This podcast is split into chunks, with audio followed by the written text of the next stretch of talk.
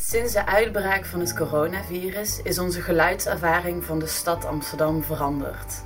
Plekken die eerst rumoerig of zelfs lawaaierig waren, zijn nu doodstil. In onze nieuwe podcast Soundtrack Silence gaan we in gesprek met elkaar en met de bewoners van Amsterdam over geluidservaringen in tijden van corona. Zijn er geluiden hoorbaar die anders nooit te horen zijn? Zijn er geluiden die gemist worden? Of is alles misschien helemaal niet zo anders als dat je in eerste instantie zou denken? Kortom, hoe klinkt Amsterdam tegenwoordig? Doordat we allemaal zoveel mogelijk thuis blijven, is onze leefomgeving veranderd. De straten zijn leger. Welke invloed heeft dit op onze geluidservaring? Is het stiller geworden of horen we juist meer? In deze tweede aflevering gaan we samen met stadsgenoten luisteren naar hoe hun geluidsomgeving binnen en buitenshuis is veranderd. Ruben, heb jij de afgelopen tijd tijdens deze coronacrisis nog geluisterd binnen en buitenshuis? Is jouw geluidsomgeving veranderd? Ja, mijn geluidsomgeving is best wel veranderd. Want ik woon aan een best wel drukke straat. Onder mij zit een Turkse bakker, een Marokkaanse supermarkt en een snackbar. En daar staan eigenlijk de hele dag mensen buiten op straat te hangen en met elkaar te praten. En wat ik nu eigenlijk merk is dat sinds die coronacrisis dat dat geluid steeds minder is geworden. Dus ik hoor eigenlijk steeds minder mensen met elkaar praten. Ik hoor ook niet zoveel auto's meer voorbij rijden. Waardoor de kleine groepjes mensen die buiten staan te praten wel extra goed naar voren komen. Dus ik merk dat ik ineens eigenlijk een heel gesprek kan volgen. In plaats van dat ik meer echt geschreeuw op straat door elkaar hoor. Oké. Hoe zit dat met jou, Romy? Heb jij ook naar geluiden geluisterd en is jouw geluidsomgeving veranderd? Zeker. Ik ben laatst eh, ben ik even door de stad gaan lopen. Eigenlijk door alle drukke punten in de stad. Dus de Dam, het Rokin, de Wallen, de Kalverstraat. En wat me opvalt is dat uh, er niet, zo, niet zozeer nieuwe geluiden te horen zijn. Maar dat je vooral de dingen hoort die voorheen zaten weggestopt onder de ruis. Ik hoor bijvoorbeeld op de Dam hoorde ik bijvoorbeeld heel duidelijk het geratel van de fietsen. Uh, het tikken van de stoplichten. Dat hoor je normaal allemaal niet. Het is me ook opgevallen dat we allemaal stiller zijn geworden, maar dat onze geluidsomgeving zich nog niet heeft aangepast aan deze stilte. Een voorbeeld daarvan is op Centraal Station is het nu helemaal leeg. Het enige dat je hoort is de hele schelle omroepstem. Die, die schalt echt zo over het hele station. Dat is wel uh, opvallend. En in de Kalverstraat, de winkels die wel nog open zijn, daar komt hele harde muziek uh, uit. Terwijl het voor de rest super stil is. Dus dat is wel uh, bijzonder. We hebben ons voor deze aflevering iets meer gericht op ruimte. Dus we hebben Amsterdammers geïnterviewd om te vragen naar hun geluidservaringen. Of ze minder ruis ervaren en of het stiller is geworden op straat. En daar hebben we wat mensen voor geïnterviewd. Wie heb jij geïnterviewd, Romy? Ik heb een geluidskunstenaar gesproken, Christina. Ze werkt op het Wilhelmina Gashuisterrein. En zij heeft een hele bijzondere manier van luisteren naar haar omgeving. Dus dat was een heel leuk gesprek. En ik heb ook nog een uh, student van de Rijnwaard Academie geïnterviewd, Luna. En Ruben, wie heb jij gesproken?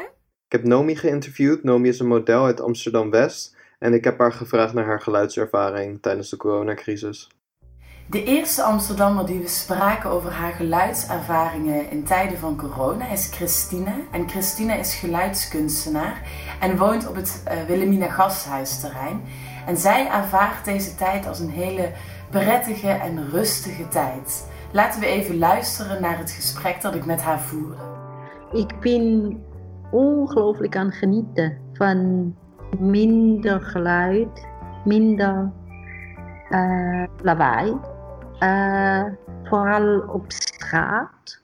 Er is minder gaande. Die afgeschermdheid die het WG-terrein had, is nu eigenlijk meer gelijk getrokken aan, aan de rest van de stad. Ja. Sommige straten zijn totaal verlaten. Of, of bijvoorbeeld Leidseplein of, of bepaalde straten waar veel restaurants zijn en uitgangsleven was. Is totaal verlaten. Omdat naast die uitgangsleven bestaat er niks. Zodra je dat uitgangsleven dicht doet, is er niks meer. Dit was het gesprek met Christina. Wat mij opviel was dat we allebei tijdens het gesprek ervoeren dat het contrast tussen het Wilhelmina gashuisterrein, waar zij woont, met de stad voor de coronacrisis heel groot was. Het Wilhelmina gashuisterrein heel rustig, de rest van de stad heel druk. En dat nu tijdens de coronacrisis dat contrast veel kleiner is geworden. Het zijn beide rustige plekken geworden. Net zoals Christina ervaart Luna, Rijnwoord Academie studenten, ook meer rust in de stad. Zij woont boven een café, maar mist de mensen op het terras. Laten we even luisteren. Normaal in deze periode van het jaar zou het helemaal vol zitten, het terras. En dan zou geluid op dit moment wel iets zijn waar ik me best wel aan zou storen. Uh, maar nu was er helemaal niemand, dus het was opeens heel erg stil. En dat was wel heel gek. Uh, dat ik zelfs eigenlijk de mensen op het terras wel een beetje ging missen. Dat ook wel weer. Ja. Ja, want ze, inderdaad zijn er uh, geluiden die je dus eigenlijk die je altijd hoorde en die je dan nu mist. Er fietsen altijd heel veel mensen langs. Ik zeg altijd, ik woon langs de snelweg van Amsterdam, maar dan de fietsers. Uh, en nu zijn dat er veel minder. Dus ik ging laatst ook daarover nadenken. Hoeveel mensen fietsen er nou eigenlijk echt langs? En dat zijn er gewoon veel minder die je nu hoort uh, langskomen. Dus dat geluid ook. Ambulances wel, die hoor ik juist beter. Ik, ik merk dus dat, uh, dat ik eigenlijk heel goed ga bij niet te veel geluid. En juist omdat ik dan daardoor andere geluiden wel weer hoor. Dus ik heb niet echt het gevoel dat ik daardoor minder hoor, maar alsof ik bijna meer hoor doordat er minder geluid is. Ik ben soms een beetje bang dat als je zo went aan zo weinig geluid, dat het soms, straks opeens heel veel geluid is. Dat je dan denkt, oh nee, hou je mond, weet je wel zo. Dus ja, dat... Ik denk dat het een beetje gaat klinken als een, uh, als zeg maar een stereobox die steeds een beetje harder wordt gezet. Dus steeds een klein tikje zo omhoog. Uh, en uh, ja, totdat je weer op een soort normaal geluid zit. Dit was het gesprek met Luna. En ja, ik ben benieuwd of de stad gaat klinken als een stereobox die steeds een beetje harder wordt gezet. Hier volgt mijn interview met Nomi. Nomi is een model uit Amsterdam West en ik vraag aan haar hoe zij de coronacrisis ervaart. Ik uh, woon naast een school en een bouwplaats. Uh, voor de coronacrisis woonde ik hier niet, maar toen ik hier kwam wonen, toen was het juist wel rustiger, omdat die school was dicht. En die bouwvakkers die waren ook een tijdje weg.